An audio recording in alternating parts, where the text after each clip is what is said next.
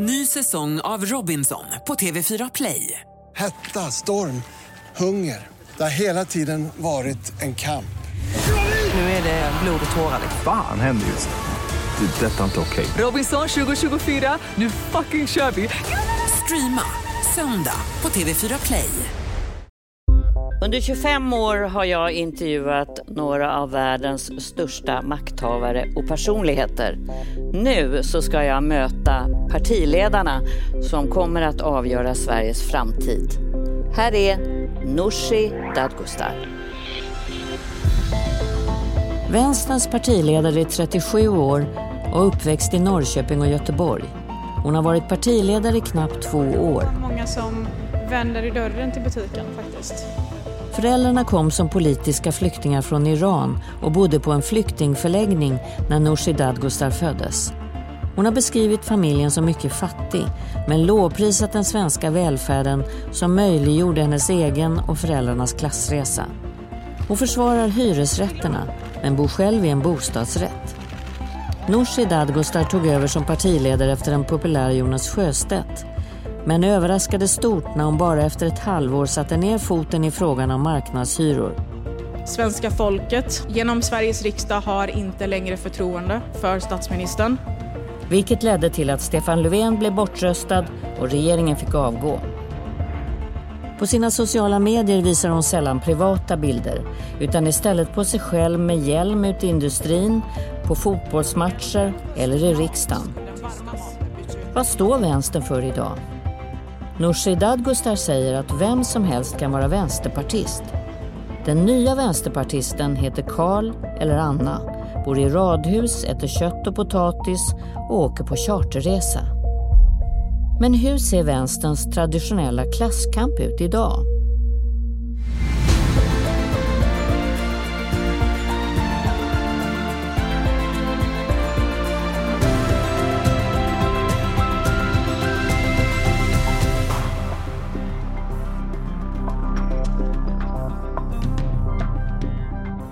Välkommen hit, Nooshi Dadgostar. Tack. Jag tänkte börja med att fråga dig, vad är den största missuppfattningen om dig? Ja du. Ehm, kanske att, eh,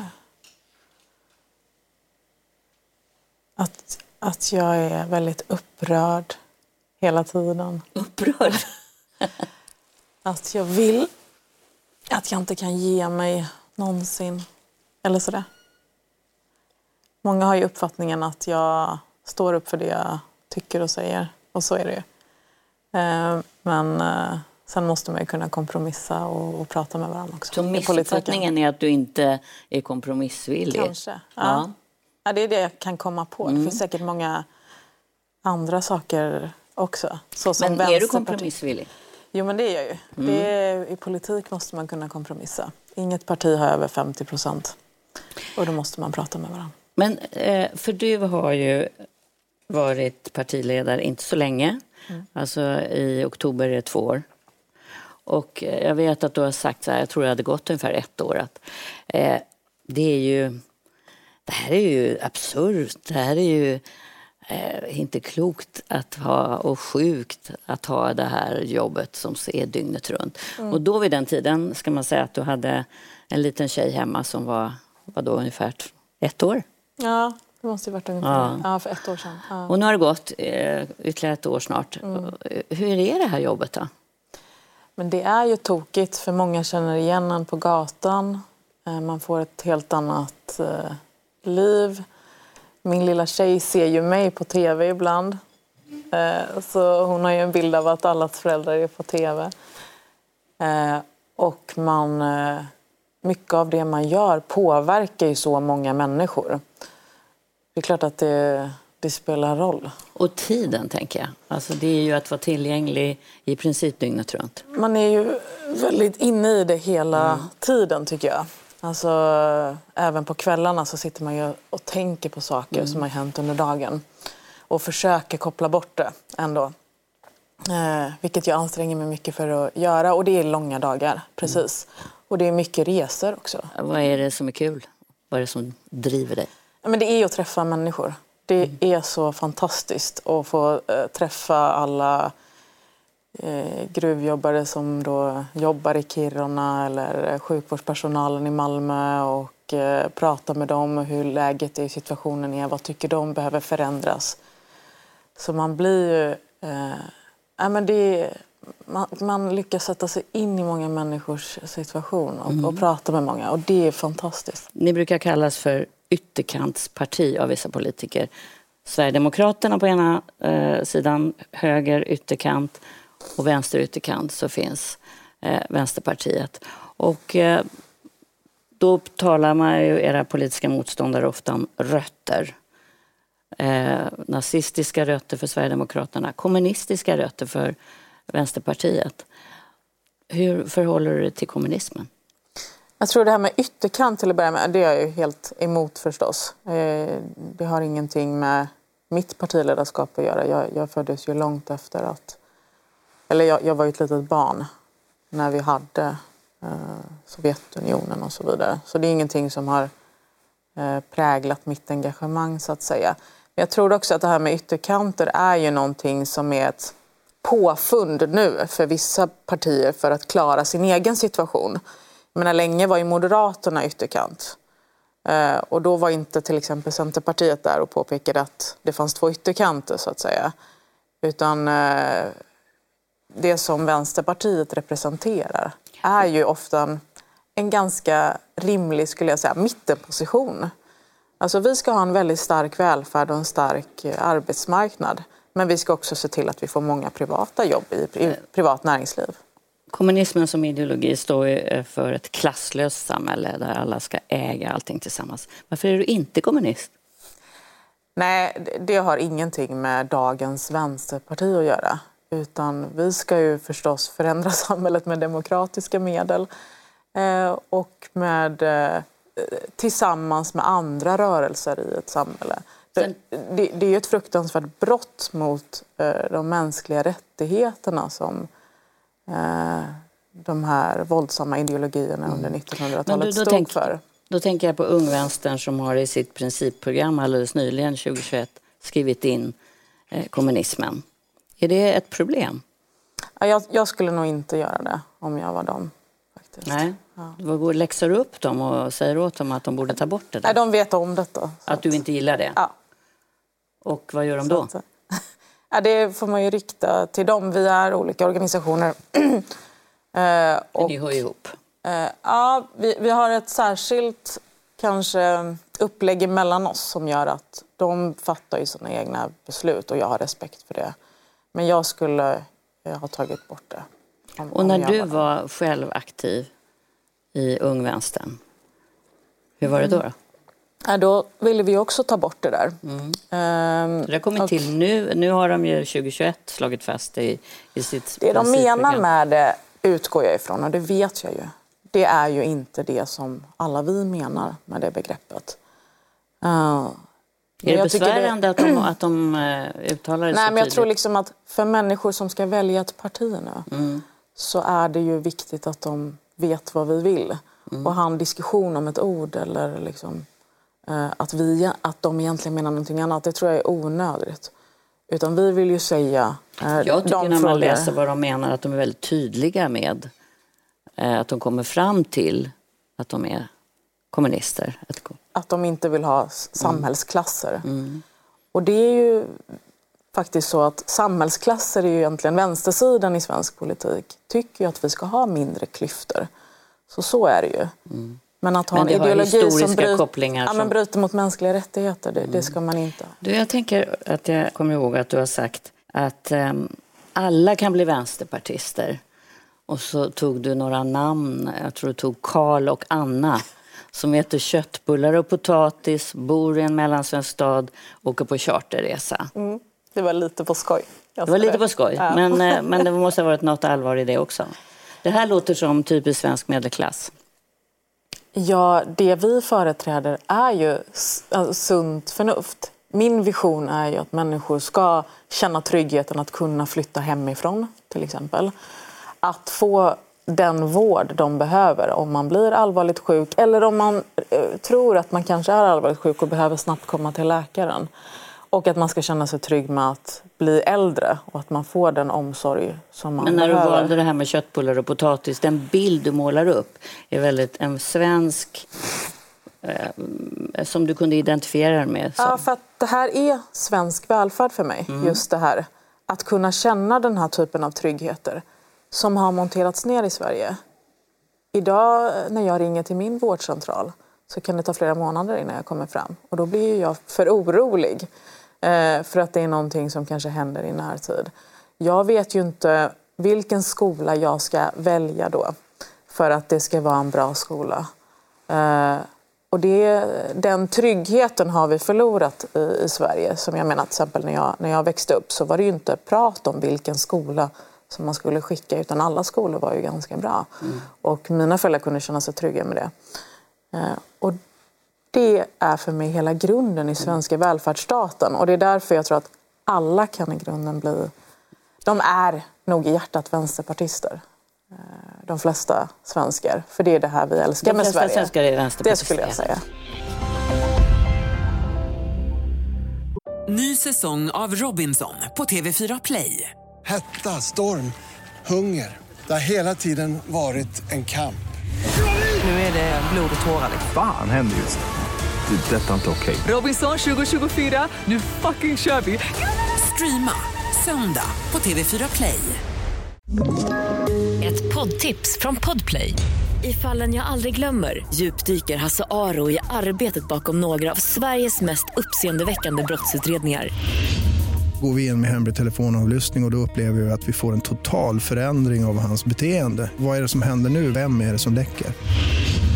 Och så säger han att jag är kriminell, jag har varit kriminell i hela mitt liv men att mörda ett barn, där går min gräns. Nya säsongen av Fallen jag aldrig glömmer på Podplay.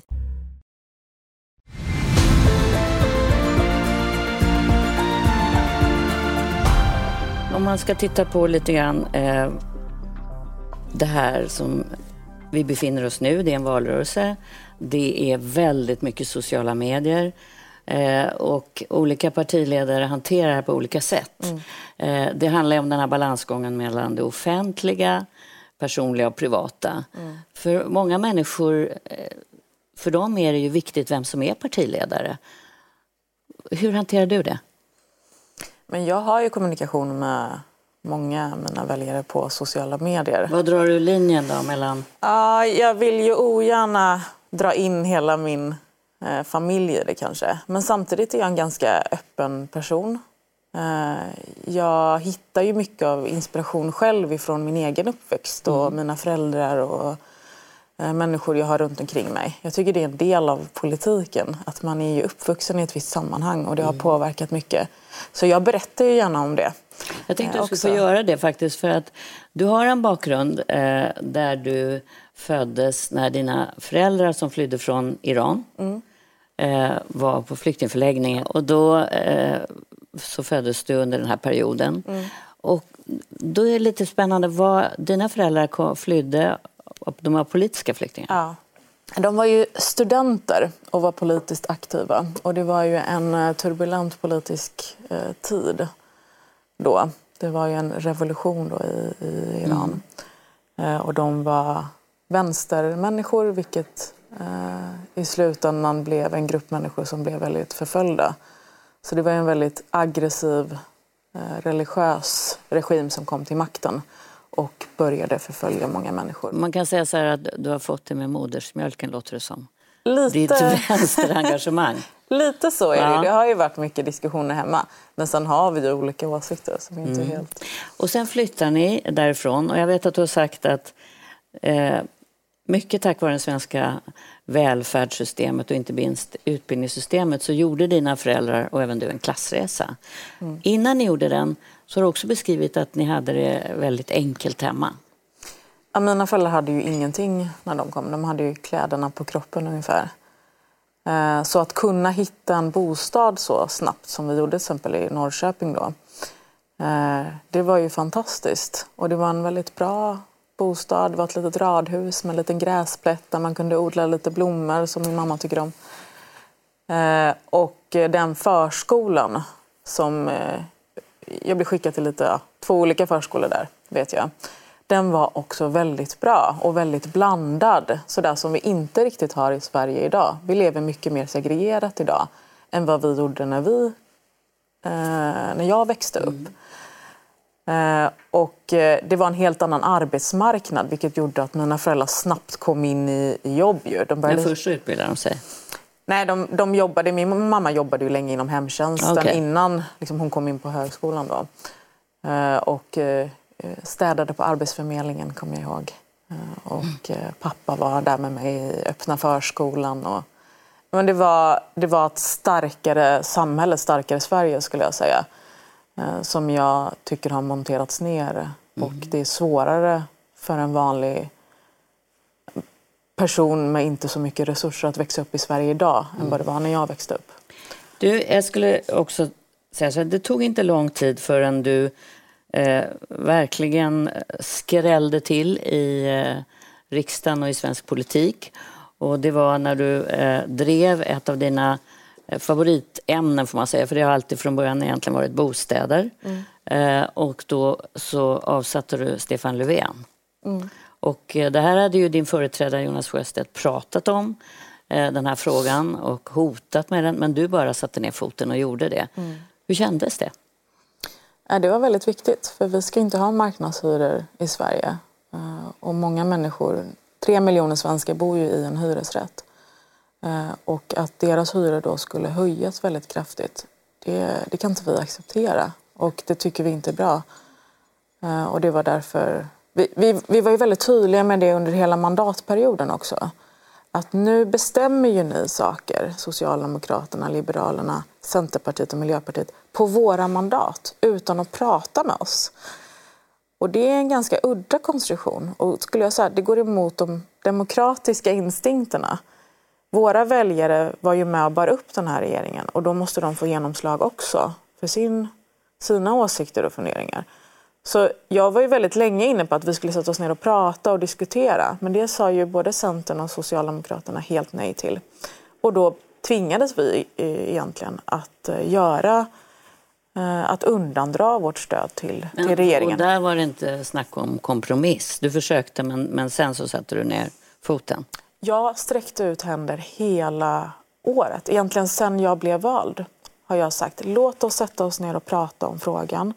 Ni styr på våra mandat och det är, helt grund, det är självklart att vårt parti också måste få genomslag då. Det är en halv miljon människor som har röstat på, på Vänsterpartiet då vid det tillfället. Um, så att uh, ja, vi såg, och vi hade varnat om detta i nästan två års tid. Så det kom ju inte som en överraskning. Mm. Det var ju helt självklart ända fram till dess. Och vi gav dem tid, timmar, veckor, mer och mer tid Eh, till slut får man ju liksom komma till ett avslut. Och det var ju många som kallade dig modig då, att du stod för ditt ord och samtidigt fanns det kritiker som sa att du försatte Sverige i en svår situation. Eh, att avsätta en statsminister är ju någonting som inte har hänt särskilt ofta. Mm. Sen kom en annan händelse och det var den 24 februari så invaderade Ryssland Ukraina. Och då var ju du den enda partiledaren som inte tyckte att man skulle skicka vapen till Ukraina först. Eh, och där hade du inte stöd i partiet riktigt utan ni fick backa där sen. Kan du beskriva hur den eh, känslan var? Under marknadshyrorna ska man veta var det väldigt många som var kritiska. Utan det är mer i, i, i efterhand då som många tycker att det var, det var bra och det var modigt. Mm. Så det är ofta så där att um, det är i efterhand som människor bedömer saker och ting. Eh, det brutala invasionen av, av Ukraina är ju någonting som verkligen... Det chockade ju många människor och blev eh, någonting som blev en tankeställare. I Sverige brukar vi ju inte exportera vapen så det gick väldigt fort från mm. det att regeringen ändrade sig. För de sa ju också att vi inte skulle mm. skicka vapen ända fram till söndagen. Eh, och då krävdes det ett möte till med min partistyrelse. Jag var ju tidigt inne på att vi skulle förstås bidra med eh, militära medel till, till Ukraina. Men för att få med då hela eh, partiet så behövde vi ju ett möte till ungefär. Så vi såg ju till att fatta ett, eh, ett beslut på tisdagen för att göra en sån positionsförändring. Och det här är ju något som vi inte har gjort på snart hundra år i Sverige. Så jag har viss förståelse för att mitt parti också behövde liksom, diskutera igenom det för att eh, landa där. Men så att, så att vi ju, har ju ställt oss bakom mm. helt och hållet att vi eh, bidrar Varför med tror du att de andra hade en så mycket snabbare process än vad ni hade? Det är möjligt att de hade information innan oss. Uh, och att uh, min partistyrelse behövde helt enkelt, det är, det är svårt att bedöma, ytterligare liksom, timmar på sig för att diskutera igenom. Du verkar ju på många sätt väldigt trygg när du pratar om det här för att det stormade ju kring dig i båda de här frågorna. Uh, hur, hur var det, liksom, utåt kan man ju ha ett sätt att se ut. Hur var det inuti när du gick hem sen och till exempel hade avsatt Sveriges statsminister? Ja, det, det var ju väldigt speciellt. Ja. Man är ju uppe i en... Eh, man är ganska spänd. Mm. Jag höll ett tal i kammaren mm. som handlade om detta, om varför det var så viktigt eh, för oss att inte bidra till att genomföra marknadshyror i Sverige. Eh, så det kändes ju på ett sätt som att man kände av historiens vingslag mm. på något sätt. Är det lite så här maktkänsla? Triumf? Du lyckades? Inte, jag vet inte om jag ska säga triumf, men det kändes som att vi hade ju väldigt stark uppslutning i vårt parti kring detta mm. och eh, vi stod upp för det som vi hade sagt. Så det var ju aldrig att jag tvekade på att vi skulle göra det. Så det kändes ju bara som att jag genomförde det som var det som jag har tänkt mm. hela tiden. Så jag kände mig stark eh, och trygg och det är klart att jag har ju fått extremt mycket mail och support från väldigt många människor. Eh, så det var ju väldigt speciellt den sommaren att komma hem till Göteborg. Mm. När det, eh, en truckförare stack ut huvudet och sa “kör på mm. Nooshi”. Och det var många som kom fram till mig på, när jag var ute. Och sådär. Mm. Så det var ju en eh, speciell liksom, stämning. Mm. Du, när man eh, har ett sånt här eh, jobb som du har eh, så behöver man, kan jag tänka mig, ha ett bra förhållande hemma. Support. Mm. Mm. Och det vet jag att du har. Ja. Vi ska återkomma till det. Ny säsong av Robinson på TV4 Play. Hetta, storm, hunger. Det har hela tiden varit en kamp. Nu är det blod och tårar. Fan händer just det. Det är detta inte okej. Okay. Robinson 2024, nu fucking kör vi. Streama söndag på TV4 Play. Ett poddtips från Podplay. I fallen jag aldrig glömmer djupdyker Hasse Aro i arbetet bakom några av Sveriges mest uppseendeväckande brottsutredningar går vi in med hemlig telefonavlyssning och, och då upplever vi att vi får en total förändring av hans beteende. Vad är det som händer nu? Vem är det som läcker? Och så säger han att jag är kriminell, jag har varit kriminell i hela mitt liv men att mörda ett barn, där går min gräns.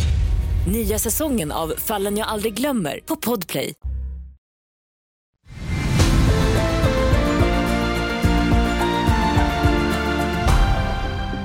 Jag skulle vilja eh, fördjupa mig lite mer i Eh, det som jag själv har varit med om eh, som programledare under så många år och som ju många eh, kvinnliga partiledare beskriver, att ni blir ofta hårdare granskade, hårdare utsatta i ett samhälle som eh, på något sätt accepterar mer att det sitter män som kan se ut nästan lite hur som helst. Vet att du har satt. Jag vet att du har tagit Leif GW som ett exempel och bli folkkära. Ja. Kan du berätta för mig vad eh, vad du har, har du gjort om dig själv lite grann för att passa in eller? Uh, no, jag är ganska mycket mig själv. Jag har svårt att förställa mig. Det kanske många märker. Jag vet ja, du inte. sa ju att du, du har tonat ner dig själv lite grann. Ja, jag har bytt uh, Twitternamn bland annat. Jaha, uh, vad heter du innan? Jag heter No Shit. No Förut. Shit? Uh, så det har jag ju då ändrat så att man inte Uh, låter så ungdomlig kanske. Okay. Eh, mm, nej men det är klart att man måste se proper ut, tycker jag. Mm. Ändå. Det är respekt. Hur tänkte du då när du på, tog på dig kavajen? Ja men, precis, ja, men jag tänkte att man måste se proper ut. Det är ändå, man ska hedra demokratin och väljarna och ämbetet man har. Det är viktigt förstås, det är därför man gör det. Um, och sen tror jag att kvinnor blir på sociala medier. Mm. Alltså, vi är ju mycket i sociala medier i det här tidevarvet. Och eh, eh, där är, kan ju människor säga precis vad som helst. Hur tar du det då? För att det här är ju en del av eh, partiledarjobbet som har blivit allt tuffare just med att man Mm. Jag tror inte man kan ta till sig, alltså man kan inte sitta och läsa kommentarer för då går man under nästan. Utan Det blir allt möjligt. Och eh, det är inte så representativt alltid heller det som människor skriver där. Så det är, Vad gör du då? Du låter bli? jag läser inte alla Nej. kommentarer och kanske ibland vissa svarar jag på sådär. Och det är ju ett bra sätt, det gör inte jag heller. För att Nej, då, men läser du det, det som är positivt? Ja, men ibland, jag får ju också mycket mail. Mm. Jag får egentligen inte så mycket... Ibland är det folk som kommenterar men då är det såna här människor som är anonyma och jag inbillar mig egentligen inte vet eh, vem de kommenterar. Men sen får jag ju ganska lite hat och hot och sådär mot mig. Det har jag faktiskt inte fått. eh, Det tror jag andra får mer av. Och varför tror du det? Jag vet faktiskt inte. Alltså, det verkar inte... Jag verkar vara väldigt populär. Så att jag... Klart att du kan säga det själv. Så jag får inte så mycket sånt. Men eh, jag tror att kvinnor är mer granskade utifrån utseende, klädsel. Man måste prestera dubbelt så mycket nästan för att vara uh, och, och, och läsa på dubbelt så mycket. Jag tycker ofta män kan ju bara tycka att de vet saker och säga saker tvärsäkert. Uh, om jag gör det på samma sätt så ja, men det liksom krävs att jag ska då bete mig, alltså läsa på ännu mer tycker jag Mm. ofta. Att det blir en sån dynamik. Ehm, och att kvin- det är fortfarande så att m- makt är mer manligt kodat. Det är det negativt eh, när man kopplar ihop makt och- med kvinnor. Det kanske inte är lika naturligt för väldigt många. Mm. Men vad gör, Alltså, förhåller du dig till makt?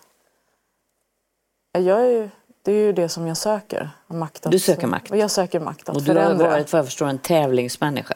Ja, men det är väldigt Ja. svårt att förlora. Men jag tänker, under, under kort tid så har ju många partiledare...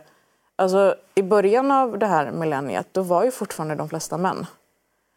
Det är under ganska kort tid som många Ja. har blivit kvinnor plötsligt. Så jag tror att det, vi är ju inne i en process där det här håller på att ändras som Mm. jag tycker är väldigt positivt. Men vi ska inte glömma att det var inte länge sedan som det började. Eh, Så att säga. Gudrun Schyman var ju tidig. Men hon var ju också... Alltså det, det har bara varit enstaka. Det är nu det är en majoritet Mm. kvinnor. Och så. Och Centern har ju också varit tidiga med sina Precis, kvinnor. Då skulle jag vilja ideologiskt titta på eh, ditt parti, Vänsterpartiet. Om man då eh, tänker sig att ideologi är ju liksom en eh, färdriktning, ett samhälle som man blickar framåt. Är det så, om du tänker in i en eh, situation där Vänsterpartiet växer, blir större, skulle få mycket mer makt, du skulle vara statsminister. Skulle det vara så att du eh, skulle vilja förstatliga privata företag? Nej, inte alls. Nej, men Eh. hur, hur skulle man märka i så fall att det är ett vänstersamhälle? Eh, däremot så tror ju vi inte på stora aktiebolag i skolverksamhet till exempel. Eller heller i, i omsorgen. Eh, tyckte ju vi att under pandemin kunde vi se att när vi har så många aktörer i äldreomsorgen till exempel. Då kan vi inte styra den och då kan vi inte förhindra ett virus till exempel från att komma in på våra äldreboenden. Så i välfärds, den här skattefinansierade verksamheten som vi har som kräver att man ger människor stöd och hjälp efter behov, inte utifrån hur lönsam man är som människa.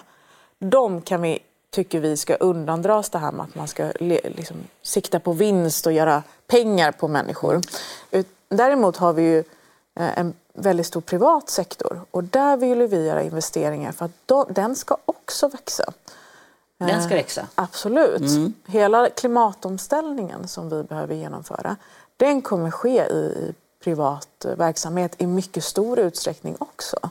Får jag fråga då, kommer man betala mycket mer inkomstskatt om det skulle bli ett samhälle där du styrde och ditt parti?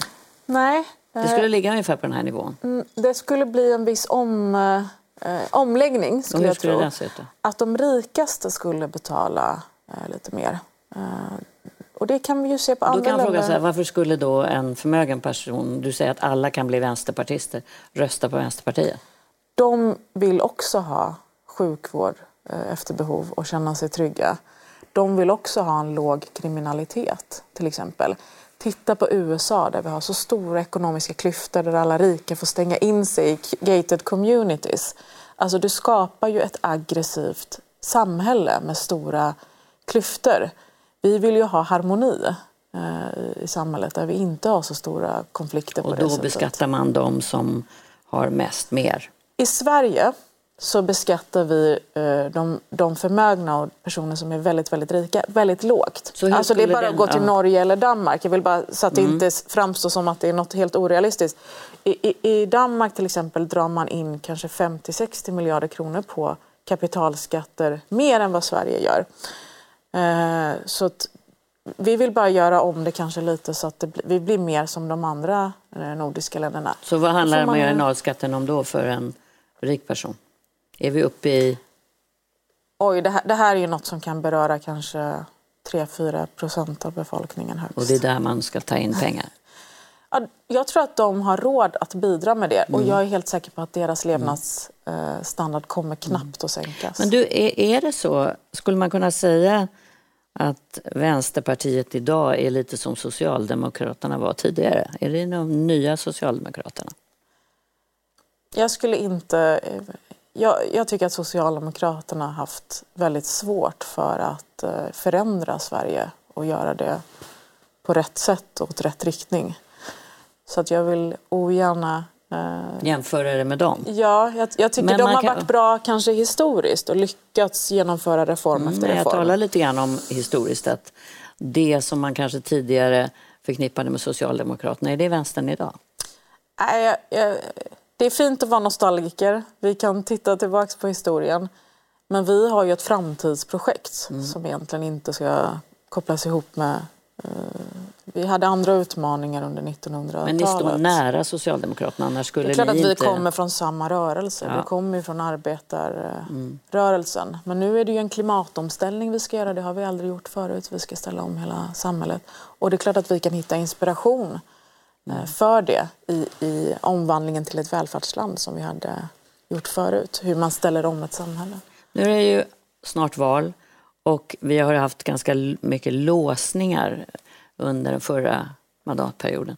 Eh, hur långt är du beredd att gå då till exempel för att eh, möta Centerpartiet och Annie Lööf? För det är ju mycket där låsningen har varit. Ja, jag tycker att man ska kunna sätta sig ner och prata med varandra. Men vad är och du beredd att ge, göra för men jag, jag, alla vet ju var vi står politiskt. Vi vill ha ett mer jämlikt samhälle. Vi vill ha mer trygghet, att människor känner sin trygghet i den svenska välfärden. Eh, Och det är ju politiska åsikter och reformer som jag kommer driva i en sån förhandling. Mm. Så politiskt kommer jag ju göra det som jag har lovat mina väljare. Det förstår jag. Och då kan det ju bli en låsning, för det kommer ju Centerpartiet och Annie Lööf förmodligen också göra. Så vad kan ni mötas i Jo, men- från ditt perspektiv? Ja, men samtidigt som många, alla inser förstås att vi har inte 50 procent. Så det handlar ju om att hur, hur kan vi komma Mm. ett steg på vägen åtminstone. Och där är ett första steg att sätta sig ner och prata med varandra. Mm. Det som jag inte tror på det är att bara säga nej Mm. utan att sätta sig ner och prata. Jag är helt övertygad om att vi kommer kunna komma överens om, om saker. Jag kommer få svälja sånt som jag inte tycker om förstås och mina väljare kommer tycka inte är så bra. Men i utbyte kommer mina väljare få någonting som är, är bra. Det är det som är kompromissen. Du, eh, jag tänkte att vi skulle prata om eh, det här väldigt utsatta jobbet som en partiledare faktiskt har. Det verkar bli mer och mer. Man ska vara med. Nu sitter du här. Och det är förfrågningar hela tiden där partiledaren är den som vi journalister alltid vill intervjua. Och då vill man veta, det tror jag väljarna också, man är nyfiken på till exempel i det här fallet dig. Och jag har bjudit in en person eh, som vet eh, väldigt mycket om dig. Kanske inte allt, men mycket. Och eh, jag tänkte att eh, nu så skulle tittarna få träffa den här personen. Hej, välkommen. Vad roligt. Hej, ska du stå ja. Här kommer en stol. Ny säsong av Robinson på TV4 Play. Hetta, storm, hunger. Det har hela tiden varit en kamp. Nu är det blod och tårar. Fan händer just det. Det är detta inte okej. Robinson 2024, nu fucking kör vi! Streama söndag på TV4 Play. Ett poddtips från Podplay. I podden Något Kaiko garanterar östgötarna Brutti och jag, Davva, dig en stor dos skratt. Där följer jag pladask för köttätandet igen. Man är lite som en jävla vampyr. Man har fått lite blodsmak och då måste man ha mer. Udda spaningar, fängslande anekdoter och en och annan arg rant. Jag måste ha mitt kaffe på morgonen för annars är jag ingen trevlig människa. Då är du ingen trevlig människa, punkt. Något Kaiko, hör du på Podplay. Därför är gardinerna.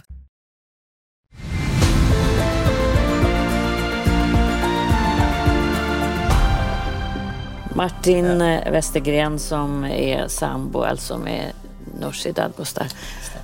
Du får berätta, vem är hon? Stackare. Ja, men mycket trevlig person tycker jag, i min uppfattning. Ja, man är ju naturligtvis nyfiken på hur det är att leva med en person som... Vi har just talat om att det är ett dygnet runt, och i alla fall också i huvudet, arbete. Och hur är det för dig att leva med en sån person? Det är, det är pressat som eh, ni pratat om. Och vi har ju en dotter och vi har ett familjeliv Som vi tre försöker... år precis. Som blir tre år, ja, precis. Mm.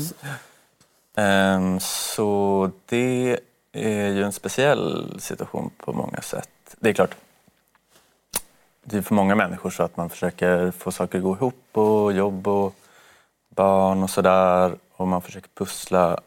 Eh, Men det kanske är lite extra pressat dagar. med ditt jobb. Det är långa dagar. Och det är en offentlighet hela tiden också. Det är en offentlighet. Det märker inte vi, alltså jag och min, vår dotter Nadja, så mycket av den där offentligheten. Mm. Men man märker ju att det är att du tänker väldigt mycket på det här, du liksom lever ju med det här. Mm.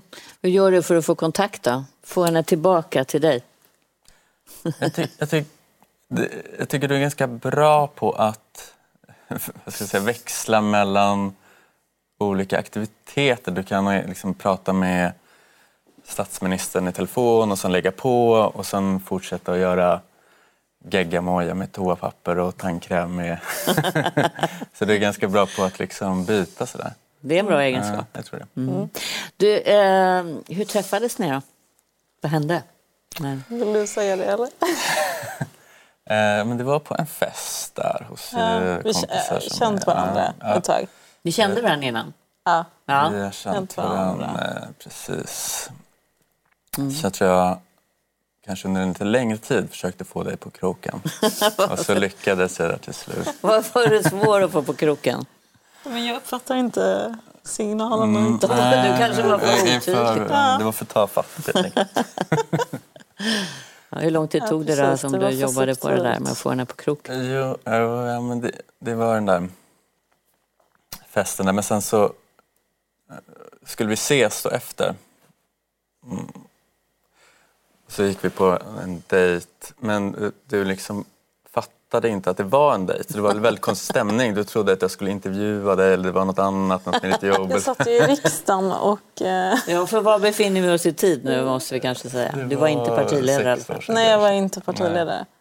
Och trodde typ att du ville komma med något politiskt. Ja, men du vet hur det är när man sitter i riksdagen så är det ju många som vill eh, Ja. lobba saker mot det.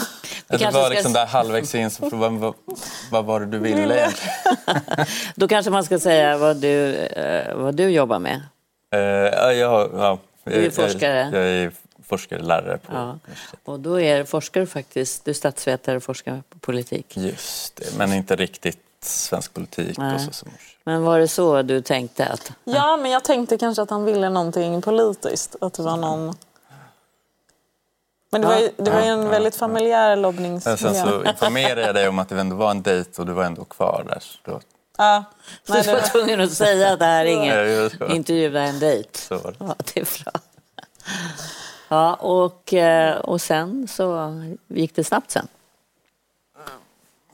Alltså, vi, vi, ja, vi träffades här. Vi har inte Mm. bott ihop egentligen så länge. två år. Eller? Ja, Nästan. lite längre, tre år. Ja, tre år. Gud, Tre, bort. tre år har ni bott Tre ihop år. men det, var- det här hände för eh, ni träffades för... Det måste nästan vara sex, eh, sju år sedan. Ja. Och då låter det som att eh, tre år, det var då ni skaffade barn. Just det, så. Mm.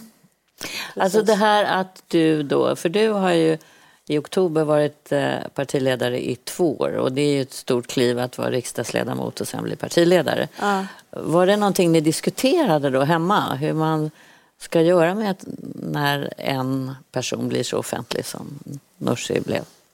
Jo, det pratar vi om. Mm. Det Vad påverkar ju hela familjen. Så det... Vad Ja, vi- tänkte du då?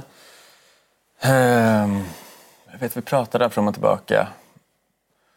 Och jag, vet, jag hörde att ni pratade innan också om att det, det finns en lång lista på saker som är negativa vad ska säga, med det Ja. här jobbet. Och särskilt om man har ett litet barn. Och, ehm, så vi hade en lång lista på nackdelar om man ska säga. Och så minns jag att din eh, pappa var med när vi diskuterade det här. Så Mm. hade han radat upp alla nackdelar med det här och det var det ena och det andra. Och det- sen sa men det är klart Nooshi, det är klart att du ska göra det. Det är självklart att du ska ta det. Liksom. Så att trots att det var en väldigt Ja, lång lista så... Det är liksom inte, man gör det kanske inte för att bli eh, en lycklig och harmonisk människa. Man gör det för andra saker. Men man gör det för att man kan göra, ja, man tycker det är viktigt helt enkelt. Mm. Det tycker jag också. Mm. Och det måste Man ju kan- du också känna samma sak för att kunna... Ja, det är nog en förutsättning tror jag. Att Mm. man, Så hur ser det praktiska livet då, eh, ut då? Hemma? Har du gått ner i arbetstid till exempel? jag har gått ner i arbetstid. Mm. Men så har vi, vi har fin hjälp av mor och farföräldrar Ja. och eh, sådär. Så att man får försöka. Men det är väl liksom... Vi går väl upp tillsammans på morgonen där och så är det liksom... Mm. Nadja springer runt, Mm. runt, runt, runt. Eh, sätter på sig kläder, tar av sig kläder. Precis. Och sen försöker få i henne lite mat. Eh, och sen går vi väl ibland tillsammans till eh, förskolan. Mm. Eller så gör du det om jag har en tidig morgon. För det är lite Sådär. flexibel tid ibland. Ja, alltså Mm. jag har inte alltid så tidiga morgnar. Mm. Det är när man är sådär på morgon-tv och så. Men, eh, och sen... Precis, det funkar ganska bra. Men det speciella med ditt jobb är att det också händer saker som är oförutsägbara. Så det är Mm. svårt ibland att planera. Och, Får ett telefonsamtal. Nu, nu pratar vi om den där negativa listan Mm. och din pappa som Ja. var politiskt aktiv och förmodligen politiskt intresserad fortfarande. Jo. Tyckte absolut att du skulle göra det ändå Mm. och ta det här jobbet. Eh, det är ju någonting som är större än en själv naturligtvis. Det här. Mm. Eh, pratar ni politik? För ni har ju ändå det gemensamt hemma. pratar rätt mycket politik. Jo, vi gör väl det. Men, jag, ska inte jag, fråga- jag är intresserad, eller det, jag tycker det är spännande också såklart. Ja. Om jag, det tror jag också är en förutsättning lite grann. Att man, men att man ser det lite grann som ett gemensamt projekt till viss utsträckning. Och man försöker göra det tillsammans. Och liksom att man då är, eller jag är intresserad av är liksom- Jag är intresserad av politik och jag tycker att det är men att det går att göra saker på riktigt. Det går att förändra saker. Det går att stoppa marknadshyror eller det går att höja pensionerna. vad, och det är liksom hur var det för en- dig då när du insåg att din sambo hade avsatt en statsminister? Vad tänkte du? Helt plötsligt en dag. Plötsligt en Jag dag. försökte få, eh, Nooshi här att berätta hur det blir, kändes. Mm, nej, precis. Ehm, det blir en kontrast. Mm, vi tittar på, jag tittar på, på tv, talet i riksdagen och sen så eh, kommer du hem och så är det liksom vanligt vardagsliv Mm. som sagt. Gegga runt med någon tandkrämstub i någon vattenlåda med så- Ja, det är lite speciellt att man Två världar. två världar lite grann. Men jag tror det där är viktigt att försöka vara med i båda världar så det inte blir så två världar att man bara Mm. lever i ja, lever helt separata. Det tycker jag inte heller att vi gör och det känns kul tror jag att vara med. Hur skulle du beskriva Martin? Eh, väldigt snäll. För det mesta. Nej, men eh, det är det ju. Eh, Martin är ju en seglare. Så det ägnar han ju sig väldigt mycket åt, får man säga. Så du är en vattenmänniska. Um, och det är du också? Jag är ju mer åksjuk person då, som jag har i familjen. Så du blir sjösjuk? Så jag blir sjösjuk ibland. Jag hänger ju med eh, till och från ändå vid de stora tillfällena, just det, just det. midsommar och så. Mm. Eh, men då får jag liksom eh, äta en tablett och hantera. Eh, men Nadja är ju också nu mera en seglare. Mm. Eh, får man säga. Men hur viktigt är det att ha eh, en sambo som Martin som då kommer fram till att gå ner i tid och se till att vara, sköta markservicen. För det är nästan otänkbart låter det som att man inte har det stödet när man ska ha ditt Det har ju betytt väldigt mycket. Mm. Jag tror det hade inte varit möjligt annars. Mm. Ja. Faktiskt. Mm. Och, så, nej men alltså, och sen är det väl att eh, det är ju skönt att kunna prata. Ibland vill man bara koppla bort när man kommer hem. Mm. Men också lite skönt att prata med någon som är lite politiskt intresserad mm. och förstår eh, vad man håller på med också. Alltså så man kan ha har båda de där delarna. Har du fått hjälp? när, ibland sitter man ju med saker och problem. Och... Ja, men jag ger Martin mina tal och inlägg i riksdagen. Okej, så du så får sitter han och läser dem ibland. Och, ja. Eller hur? Artiklar och... Ja, men det är kul att få vara med på ett hörn. och då har du ofta synpunkter? jo, mm, ibland. Kan ha något att komma med ibland. ja, mm. gör lite sådana här bedömningar av debatter. Och... Det låter som ni har samma värdegrund. Ja, jo det har vi nog kanske. Du röstar väl inte på Moderaterna? Mot? Säger inte vad jag röstar på. du behöver inte säga vad du röstar på, men det, men det, det är ändå kanske ja. viktigt att man Jo, det är en förutsättning. Har en värdegrund som man delar. En del eh, klarar ju det utan det, men eh, när du tittar på de här talen och mm. så där sitter du med rödpenna där och tänker Nej, nej det där borde du inte säga. nej, men det är väl klart. Eller det, alltså, jag tror inte min insats är så stor vad gäller det, men, men jag tror att det är det också hjälper mig, alltså, som du sa, sköter markservice och så, men att få vara med och att känna att det är, som sagt, det är något man gör lite grann tillsammans. Det gör också att man, man kan ta på sig en massa andra saker. Det är inte som att... Eh, ibland kan det bli när man både har jobb och man har saker att sköta hemma att man konkurrerar om tid. Mm. man ska mm. säga att min, om du gör något så går det ut över min tid. Och så. Om man börjar tänka så tror jag det blir svårt att få ihop det. Utan man måste tro, se det som att det är något man gör tillsammans för att det ska... Mm. Och att, det är, att man har bestämt det tillsammans att man har bestämt du tog det jobbet. Att man är ja, involverad. det tror jag verkligen. Mm. Annars kan mm. det nog bli surt. Annars blir det, kan det ja. bli surt. Ja. Har relationen förändrats? För ni, allt det här hände ju ungefär när ni fick barn också. Ja. Vi har väl lite mindre tid med varandra på något sätt. Det är lite... lite mindre tid. Ja. som sagt, barn tenderar att förändra saker. Ja, det är kanske är den största förändringen. Men det är väl, då är man ju extra noga med lite semestrar och att vi har vissa helger ändå. Mm. Och, och att kanske vi är också, tillsammans. Och... Precis. precis, att man har barn kanske också hjälper en på det sättet. Att man, jag menar, man, man vill ha semester och man mm. tar, avsätter tid. Och mm. Hade vi bara inte, jag har varit ihop och levt. Att det får inte bara bli så att man glider isär. Nej, Nej precis. precis. Och sen är väl våra föräldrar det bra. Ja, precis. De och... Så ni kan vara, ha egen tid, ni två? Ja, men precis. Så när det är lite längre semester åker vi till Göteborg där mina föräldrar bor då. Mm. Och då blir det ju jätteroligt så kan Nadja vara med mormor och morfar. Så kan ni smita iväg. Och så kan vi ta det lite lugnt. Du tar ja. ett piller och så åker ni ut och seglar. det, eh, den här offentligheten är ändå det som skiljer eh, ditt jobb från många andra jobb. Och det kan bli, nu hade du inte råkat ut för så mycket så, men det kan bli mycket kritik, hot, hat vittnar många om. Tuffa tag. Eh, att vara nära någon som utsätts för det, eh, det kan ju ibland kännas jobbigt. Mm. Gör det? Mm. Som sagt, jag har inte märkt av så mycket så hot och, och hatfulla grejer. Men det är klart att det är ju det är ständig kritik. Liksom. Mm. Och det är påfrestande.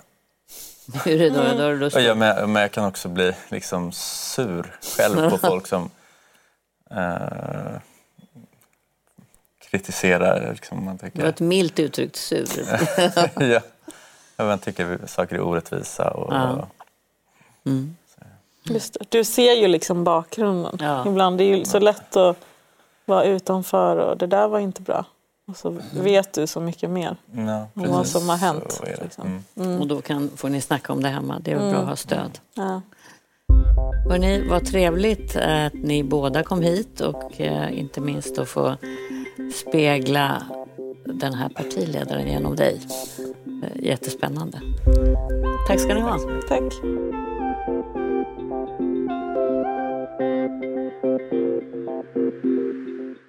Ny säsong av Robinson på TV4 Play. Hetta, storm, hunger. Det har hela tiden varit en kamp. Nu är det blod och tårar. Fan händer just nu. Det. är Detta är inte okej. Robinson 2024, nu fucking kör vi! Streama söndag på TV4 Play.